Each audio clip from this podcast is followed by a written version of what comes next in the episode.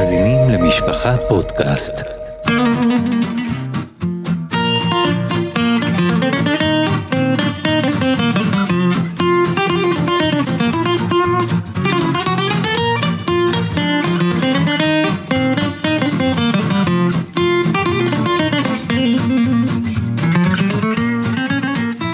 שלום לכם, אנחנו נפגשים עוד הפעם, שמחים להיפגש בעוד פרק של פודקאסט קורת רוח, שעה של קורת רוח עם הרב אפרים זמן גלינסקי. ידידי הטוב, ר' ישראל אלתר גרובייס. ואני יכול לומר שאני מאוד שמח להיפגש היום שוב, כי אנחנו עדיין מדברים על יופי. שזה המשך של המשך של כל מה שדיברנו עד עכשיו. אמנות וניגון. אומנות, ו- ו- וצריך לומר את האמת, עד עכשיו אנחנו כל הזמן בורחים מהסיפור עצמו. אנחנו מצאנו איפה יש יופי בבית המקדש ואיפה... אבל עוד לא ענינו על השאלה הגדולה, מה, מה היהדות חושבת על, אה, על האומנות, על היופי עצמו, אתה יודע, על הציורים היפים, אה, או יותר נכון, איפה זה בא לידי ביטוי באמת. איפה ב- זה בא לידי ביטוי, אז, אז מצאנו כבר, עשינו את כלי המקדוש, אתה יודע, ו, ובכלל, מה המקום של זה? והאם יש מקום ל... עכשיו, היופי, צריך, צריכים לומר את זה, יש לו כמה אתגרים. יש איזה בריחה מיופי, מיופי אנושי, אנחנו מכירים את הגמרא עם הנזיר שפחז עליו יצרו, והוא הקריב בשביל זה שלמי נוזר, והוא גילח את שערותיו, זו גמרא מאוד מפורסמת, בגור הרבה הרבס דיברו מזה. אה, ואנחנו מכירים את זה, יש איזה סכנה מיופי, אתה יודע, אני תוך כדי דיבור נזכר בפרשת השבוע, כתוב אה, על שרה אימנו. בת, הנה, ידעתי. זה גם, זה פרשה קודמת, אוקיי. אבל אה, חיי שרה, אז, אז הם מדברים על, על אה, בת קוף אה, כבת חוף, כבת כף ליופי. ועומדים על זה בספרי החסידות, מנסים להבין מה זה היופי הזה, איפה השבח של היופי. אה, הרב רב מיילך, אה, נועם אלימלך, אז הוא מביא דבר מאוד מעניין, אני זוכר את זה מצעירותי, צריך לבדוק את זה שוב פעם כי לא הסתכלתי. הוא מדבר על כך שבן אדם, יש איזה עבודת השם שאולי ניגע בה תכף, יש איזה עבודת השם שבן אדם מייפה את עצמו אה, כביכול להיות אה, מרכבה לשכינה ו... יש גם, אגב, יש גמרא, שהגמרא מדברת על דוד המלך, ש... שהוא אמר, ב... חושב בבית המרחץ, ש... שאם אה, צלמים של מלכים יש עניין למרק, זאת אומרת, יש אנדרטאות, אז אנדרטה פסל של המלך, אז כל הזמן רוחצים אותו ו... ומייפים אותו, אז גם אנחנו בסוף עשויים בצלם אלוקים. יש- על- על על הלל- הלל הזוקין בביס בסדר, המלך. נכון, נכון. נכון, דוד המלך זה משהו אחר. אגב, בנושא הזה במסוים, רגע, יש- רגע, אני רק כן. אסיים את הוורד של של המלך. המלך, אז הוא אומר שעם הדבר הזה אפשר להתחיל רק מבן כף. בת קוף כבת כף ליופי, כי בן אדם צעיר, היופי יכול לבלבל אותו. הוא. מנסה יש ליישב איזושהי את ה... בגרות מסוימת. הוא מנסה ליישב את, ה... את הגמרא, מצד אחד אתה רואה ש... ש... שיופי זה דבר מאתגר, ומצד... אז הוא אומר בת קוף כבת כף ליופי, רק מהגיל הזה אפשר להתחיל לנסות... אה, אה, יש אמרה של, אה, של המייחסים אותו לגאון מווילנה, ש, שמה שכתוב באיש אה, שקר החן והבל היופי, איש שירס השם תסלול, זה לא הכוונה היא שהיופי זה שום דבר, זה שקר, אלא ששקר החן והבל היופי, כשאין ירס שמיים, אז זה שום דבר. אבל כשיש כן. ירס שמיים, אתה יודע למה אני כבר- צוחק. כן, למה אתה כי צוחק? הרבי מלובביץ' אמר את זה פעם ל... לאישה שבאה אליו ועסקה בעניינים האלו. אז- ואז זה עשה קצת אה, זה. אתה יודע, מסתכלים אצל רבותינו הראשונים, פה ושם יש כן אה, ביטוי על, על יופי כ, כדבר אה, חיובי מאוד. אה, אני זוכר שמישהו הראה לי, אנחנו דיברנו פעם על ספר האפודי. האפודי כתב יהודי, יהודי אנוס. יהודי אנוס, יש לו חיבור על המורה נבוכים, ש, שזה נקרא, אה, השם, השם הספרדי שלו, שהוא, שהוא, שאיתו הוא היה מיוצג, השם הגוי שלו היה פרופייט דורן. והשם העברי, אני חושב, זה יצחק בן משה הלוי. מישהו הראה לי קטע שהוא כותב באחד מספריו, אה, העיון תמיד בספרים היפים והנאים מינוי ויופי הכתיבה והקלפים אה, אה, המהודרים בזיוויהם ובכיסויהם ושיהיו מקומות העיון רצוני לומר בית המדרש. הוא אומר בקיצור, אתה צריך שיהיה לך ספרים יפים, ובימים ההם זה מאוד דרמטי, כי הספרים בימים שלהם מצוירים הרי. זה לא ספרים כמו שלנו שיוצאים בדפוס. הם ספרים שנכתבים, אתה צריך שהכתב יהיה ראוי, וגם הוא מדבר לא רק על הספר שיהיה יפה, הוא מדבר גם על כך שאתה צריך שבתי המדרש יהיו יפים. ולפי שזה, אם שיוסיף באהבת העיון והחפץ בו, יש לו לשון כזאת, כנראה זה... זאת אומרת, הוא, הוא אומר פה נקודה מאוד מעניינת, שההשקעה בבית מדרש יפה, הוא, ה... הוא חוץ הוא מהעניין של אה, כבוד הזה, הוא מדבר על כך שזה עוזר לעיון, וגם הוא מדבר בהמשך שזה עוזר לזיכרון.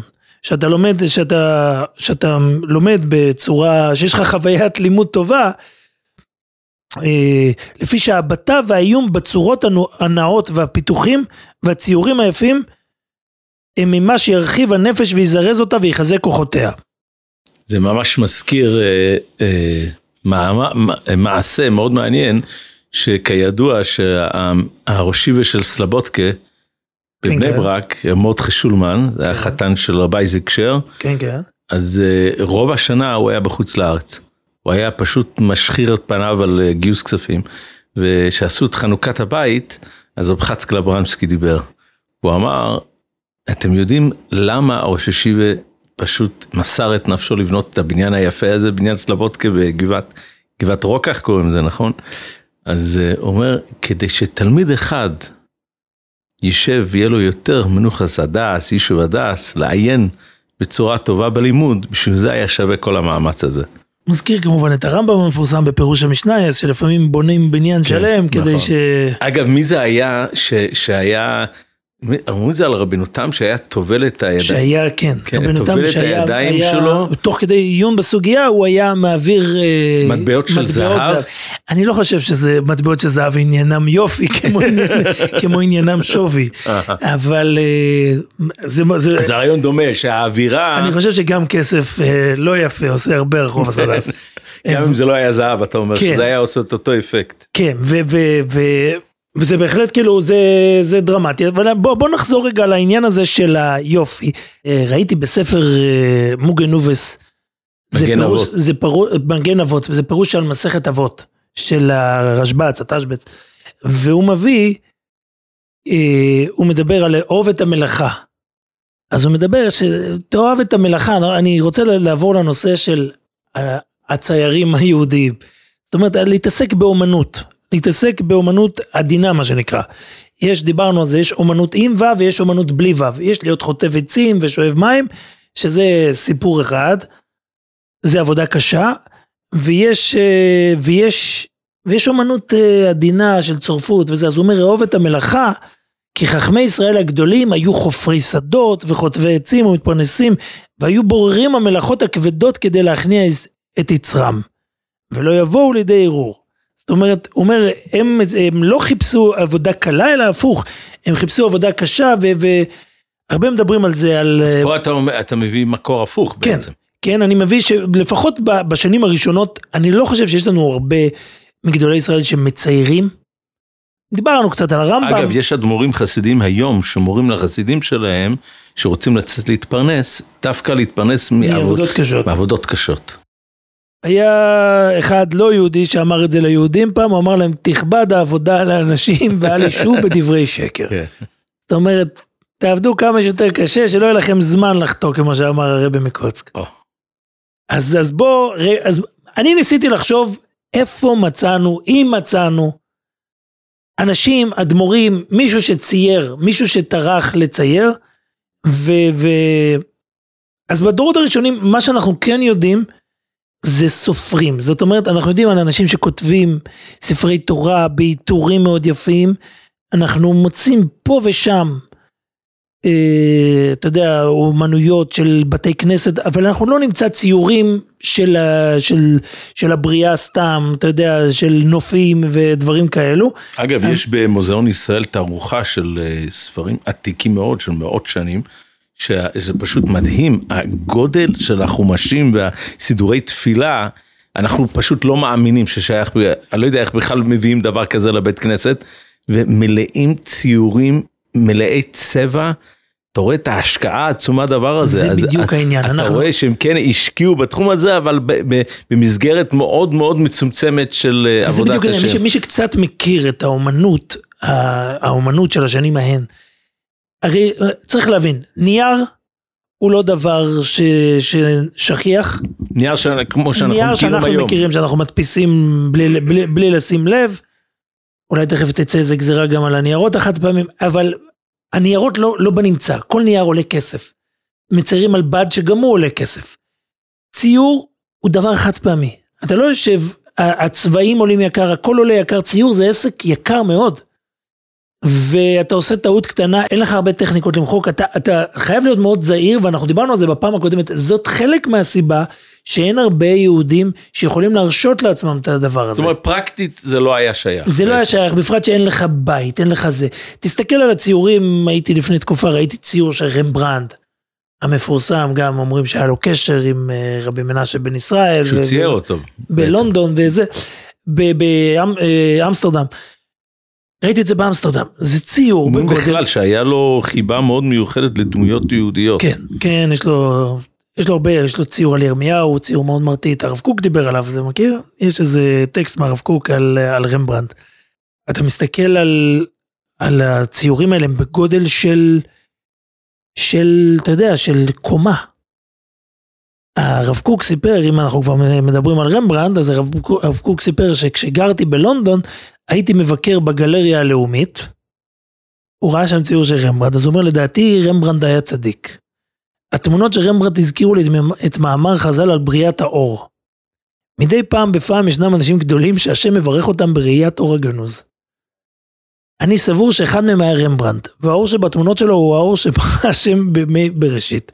עכשיו, זה, זה טקסט מאוד זה, זה נשמע מאוד אבסטרקטי, אבל הטקסט הזה יש לו גם משמעות, כי מי שיודע, בטכניקת ציור של רמברנד, הוא זה, לא יודע זה, כמה זה קשור, אה, אחד הדברים שהוא די חידש, לא יודע אם הוא חידש או די יישם בוא נאמר, זה הנושא של תאורה. אנשים היום רגילים בציור, הם לא שמים לב שיש שאלה גדולה מאיפה האור נכנס. אם האור נכנס מאחור, מאחורי האובייקט אז הוא יוצר קומפוזיציה מסוימת. זה מאוד תלוי. בכל אופן, זה הרב קוק דיבר על רמברנד, ואנחנו מדברים על ציורים בגודל של קומות. אנשים, לצייר ציור קטנטן, אה, אתה יודע, במחברת, לא היה משהו שהיה שווה לטרוח בשבילו.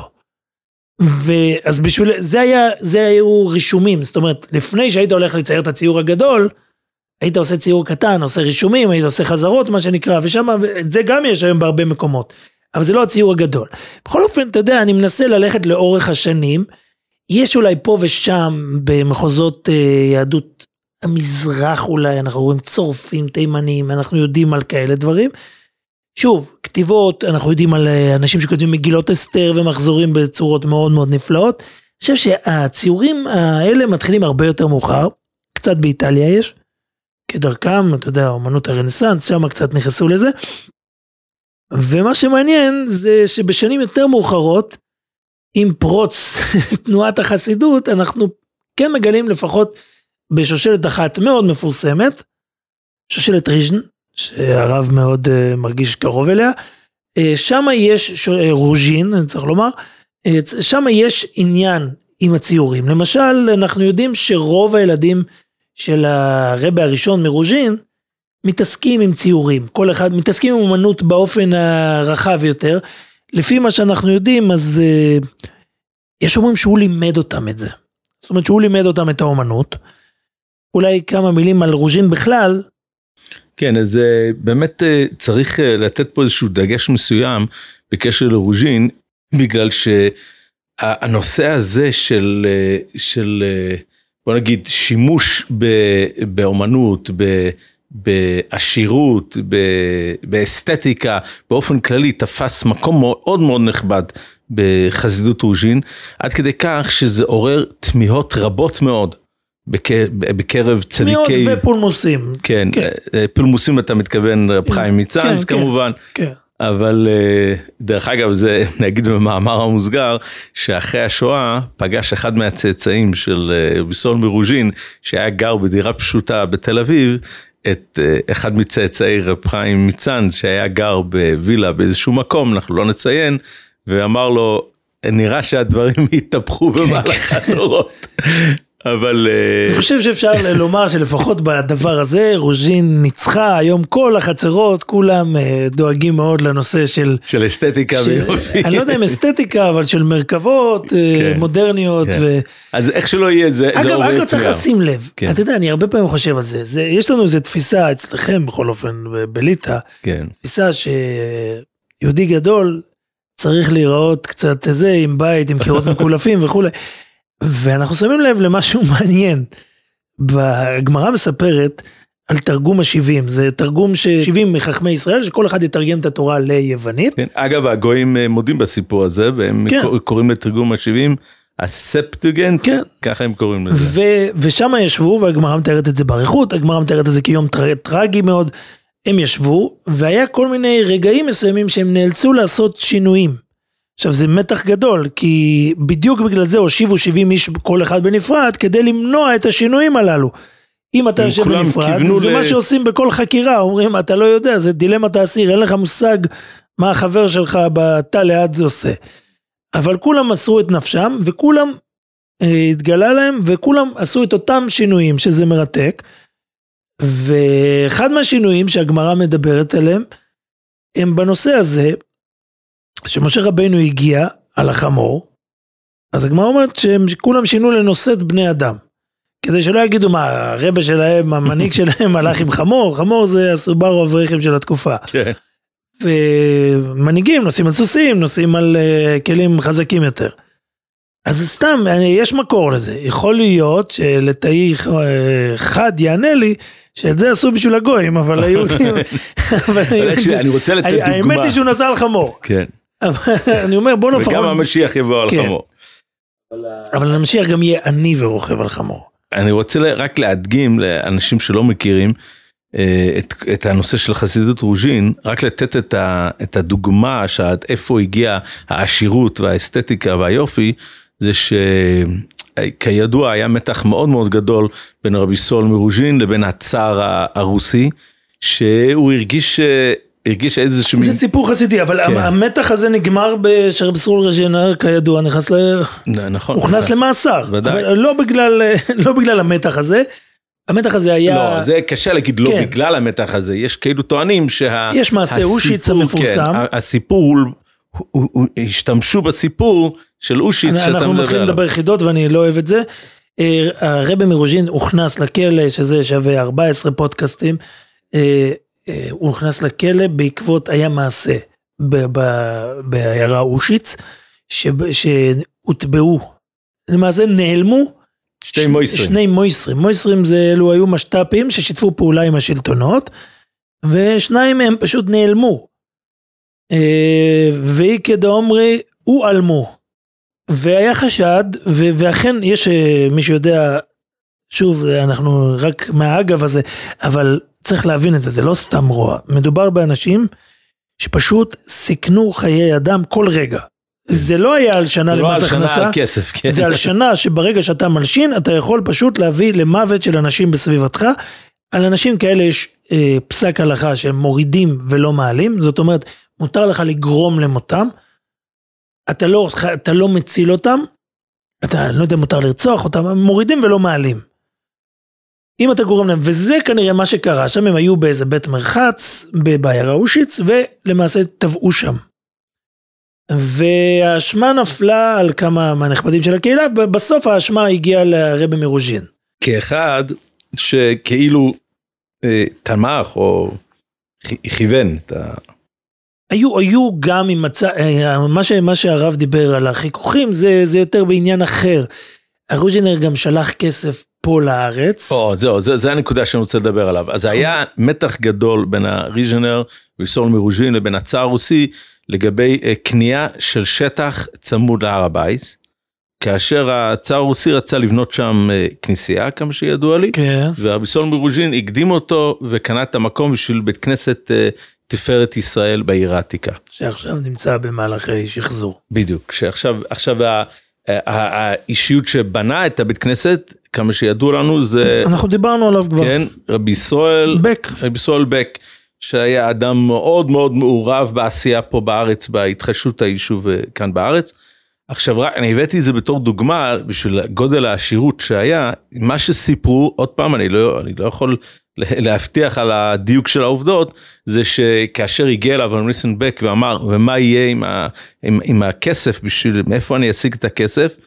רבי סולומון מרוז'ין אמר תקלף את הזהב שנמצא כאן על הקירות של החדר שלי ובזה אתה תקנה את המגרש ותבנה את בית הכנסת. או, כן, צריך, צריך מאוד לעשות הבדל בין uh, סיפורי חסידים שזה דבר חשוב לבין, uh, כן, לא, יש גם, יש גם עניין שבאותם שנים לאט לאט uh, נוצר איזה קרע בין האימפריה העות'מאנית שהם נמצאים פה לבין, uh, לבין האימפריה הרוסית, זה, זה עוד זה סיפור. עזר אה, לחלק כן. מהסיפור. בכל אופן בוא, בוא נעזוב רגע את העניין הזה. אוקיי, אז ו- רק הבאתי את זה בתור דוגמה בשביל גודל העשירות. עכשיו, אתה צריך להבין, אנשים צריכים להבין שה, שהנושא הזה תופס מקום מאוד מאוד נכבד בחקר של חסידות רוז'ין. ואני אביא שתי, שתי מקורות אה, בעצם אה, מנוגדים, אבל הם שתיהם מטפלים באותו נושא. לאחרונה, עיתון המבשר הקדיש גיליון על רבי סול מרוז'ין לכבוד היורצייט שלו, והפרק כולו מוקדש לתמיהה הזאת של חכמי דורו, מאיפה רבי סול מרוז'ין לקח את השיטה הזאת. לעומת זאת, לעומת זאת, אה, דוד אסף, בספר שלו דרך מלכות, חוקר, אנחנו נשים. את זה להבדיל קטן. כן, ננסה נו. להבדיל, אני בכוונה רוצה להדגיש את הלהבדיל, שהוא גם כן מקדיש פרק שלם לנושא, והוא מביא את אותם מקורות שהם מביאים, כן. עם אותם הסברים לשיטתו של רבי סולומון מרוז'ין, אבל אתה לא יכול להתעלם מהציניות שנוטפת מה, מהתיעוד שלו. אה, אנחנו מכירים את זה מספרים אחרים בצורה הרבה יותר בוטה, של אותו כן. מחבר, ולא כאן המקום. אה, אבל, אה, אבל זה, זה רק דוגמה שאתה יכול לדון על אותו נושא באופן אובייקטיבי או באופן סובייקטיבי. עכשיו, וזה שני הכיוונים. וכאן השאלה מי מי אובייקטיבי ומי. אובייקטיבי. אוקיי, אז מה, מה שאני רוצה להדגיש זה ש, שבאמת גדולי דורות תמו עליו ומפורסם בשם רב צבי הירש מרימנוב, שבסופו של דבר רבי סול מרוז'ין נשא את אה, אלמנתו כן, בסוף כן. בסוף אה, ימיו, זאת אומרת בזקנותו, אז, אה, אז הוא אמר שבעולם הזה עד ביאס גואל צדק לא יהיה ניתן להבין את דרכו של רבי סול מרוז'ין בעיסוק שלו ב, בריבוי הזהב והכסף והאסתטיקה וכל הדברים האלה. עכשיו אף על פי כן ישנם גדולי תורה אדמו"רים שכן ניסו להסביר את, ה, את שיטתו של רבי סול מרוז'ין רק נזכיר חלק קטן מהם ואז אני אגיע לאיזשהו תגלית שהיה לי בנושא, שאני חושב שאנשים לא, לא מכירים את זה, אבל uh, יש, ישנם שטוענים שזאת uh, חלק משיטה כללית של החסידות, של... אה, לקדש של, את החומר. לקדש את החומר. כן, זה, זה שיטה uh, ידועה.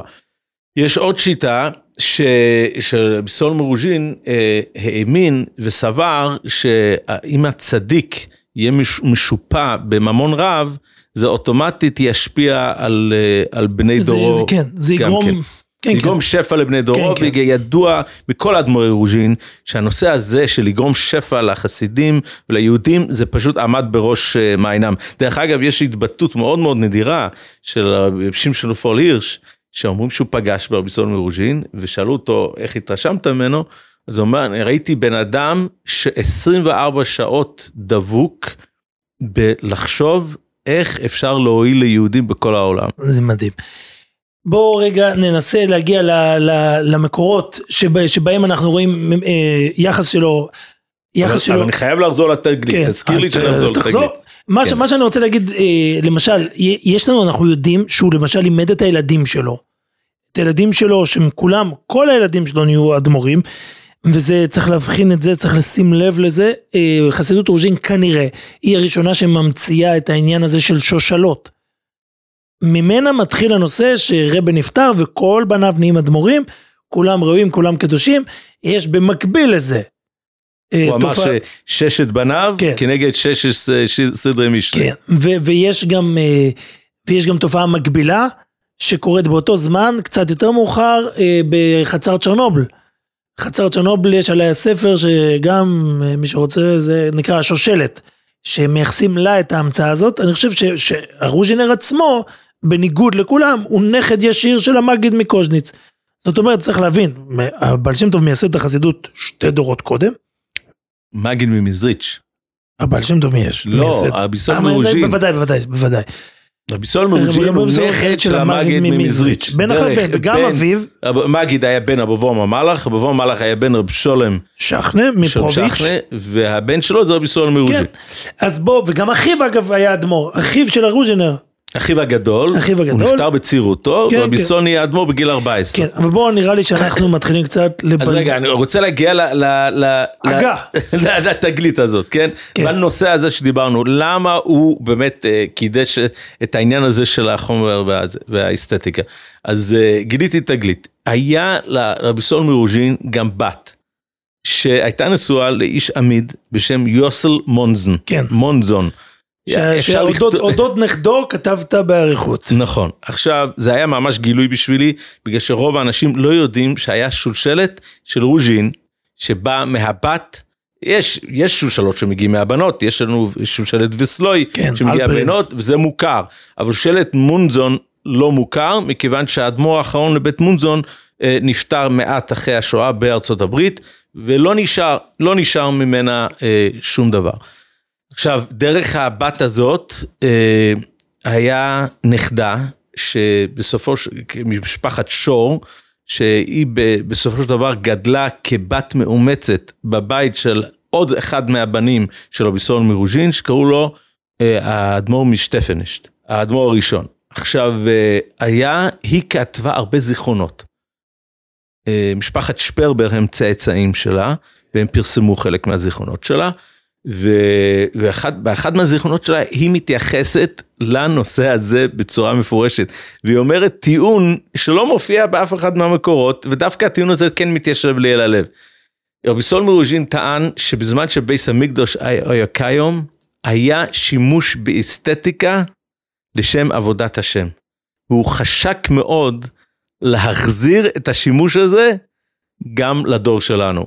ולכן ההשקעה הגדולה, בשביל זה היה צריך אמצעים מרובים, ולכן ההשקעה הגדולה בנושא הזה, בשביל להחזיר בחזרה צורה מסוימת של אבוידס השם. אוקיי, זה התגלית שיש לי, ואני מוסר לא, אני לכם אומר, אני אותו. אומר, זה, זה, התגלית הזו היא לא כזאת נדירה, היא מופיעה המון בספרי חסידות. הבני סוסחור לדעתי, אני, את הבני סוסחור זכיתי פעם לערוך בהוצאת עוז והדר, אני לא זוכר את הספר בעל פה, אבל אני כן זוכר שיש לו, אה, אה, יש לו התייחסות ארוכה מאוד לנושא הזה, במסגרת מה שהוא מכנה הנוי והנצח לחיי, לחי העולמים. זאת אומרת, יש, יש מקום רחב מאוד ביהדות ליופי, ל- לאומנות, הרי כל הנושא הזה של בצלאל, בן נורי בן חור, ואנחנו רואים את זה, זה, זה ודאי מאוד מאוד אה, דרמטי, הנושא של בית המקדש צריך להיות הכי, הכי יפה, הכי מפואר, אנחנו רואים את זה בבתי כנסת. אגב, זה, זה, זה, אנשים לא יודעים, אבל הנושא הזה, שהיום אה, יש בתי כנסת קטנים וכאלה קרוונים וזה, הוא די חידוש. בעבר לא היה כזה דבר.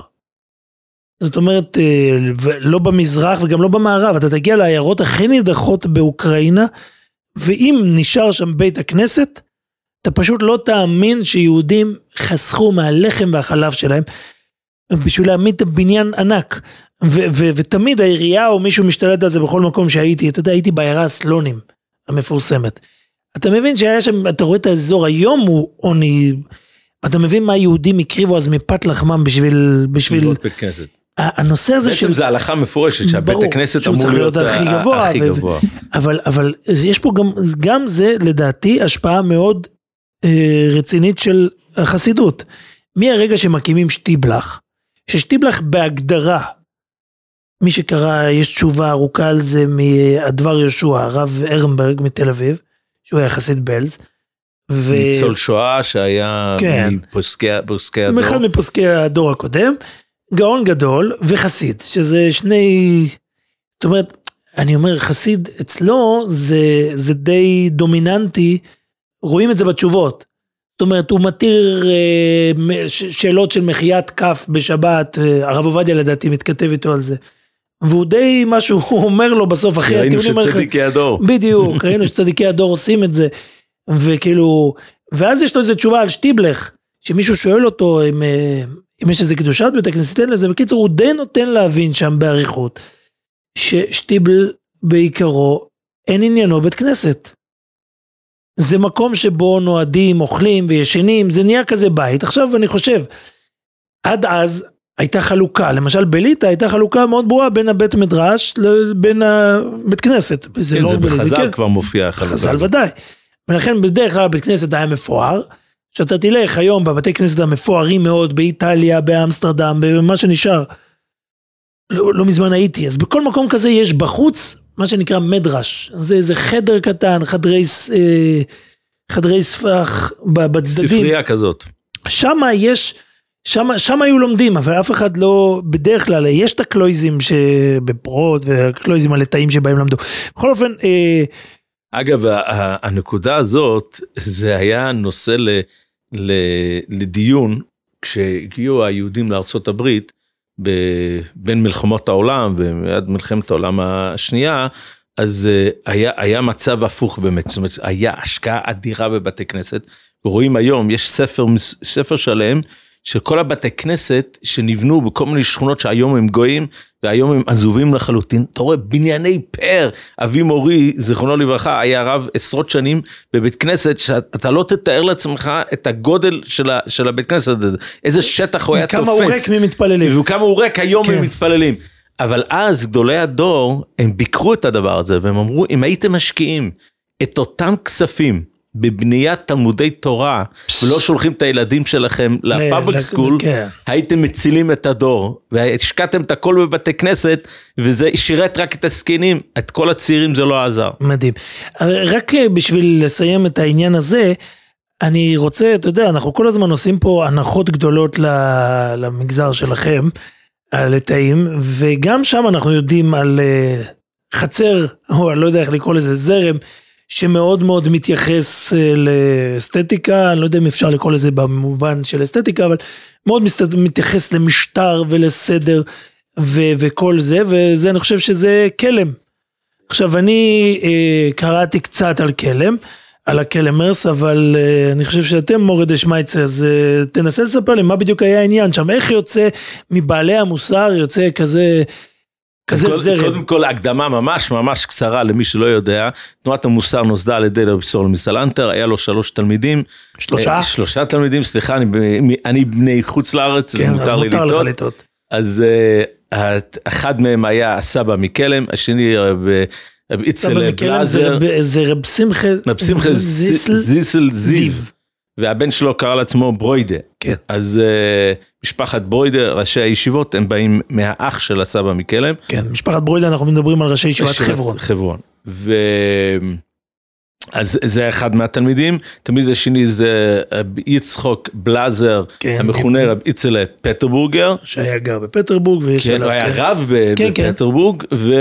והתלמיד השלישי, השלישי היה רב נפתולי אמסטרדם. שעוד היה... דיברנו כבר. כן, אז היה, היה אה, איזשהו ביטוי שאומרים בשם בסול סלנטר, שהסבא מקלם הוא החכם, רבי איצלה בלאזר הוא הלמדן, ורב נפתולי אמסטרדם הוא הצדיק.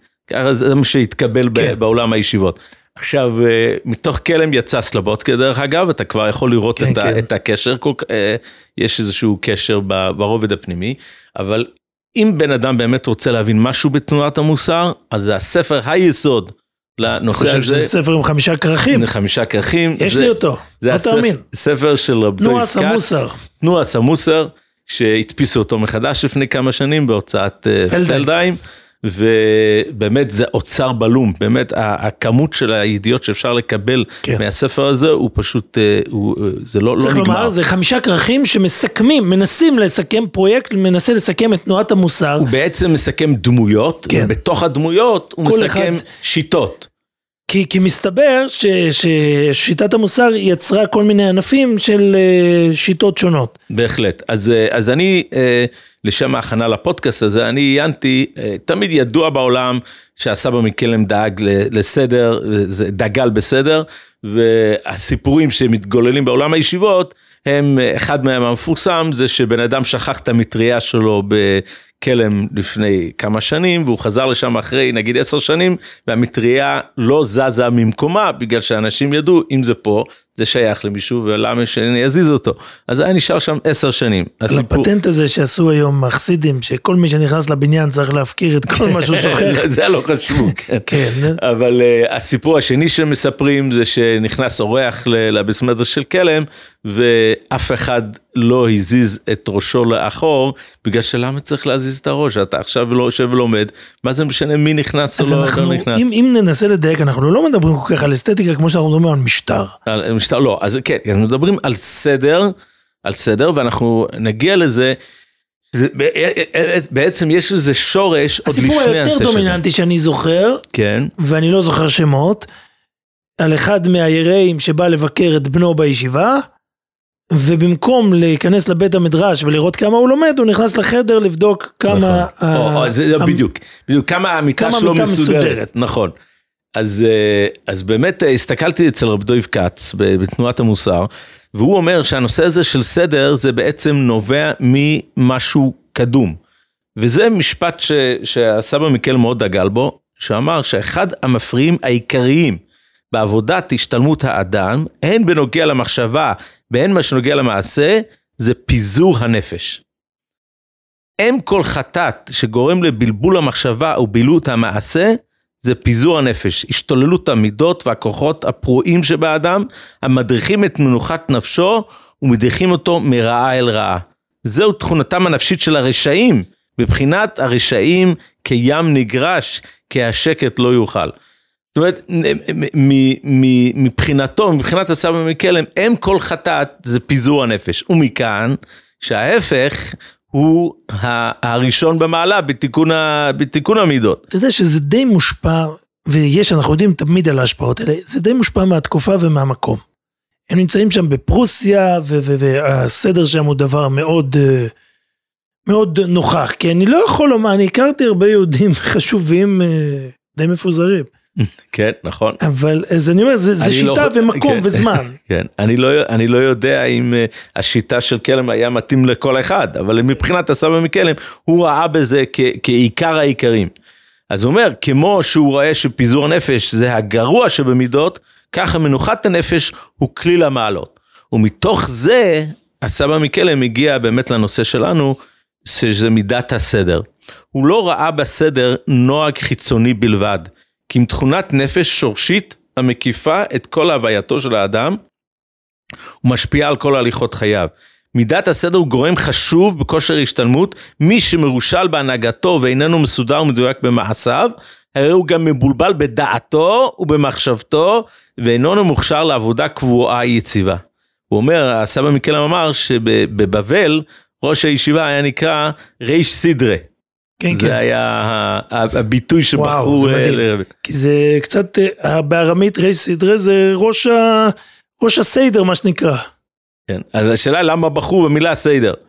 עכשיו, אה, הוא אומר, כל התורה כולה מבוססת על דיוק וסדר. רגע אחד מבדיל בין שבת לחול.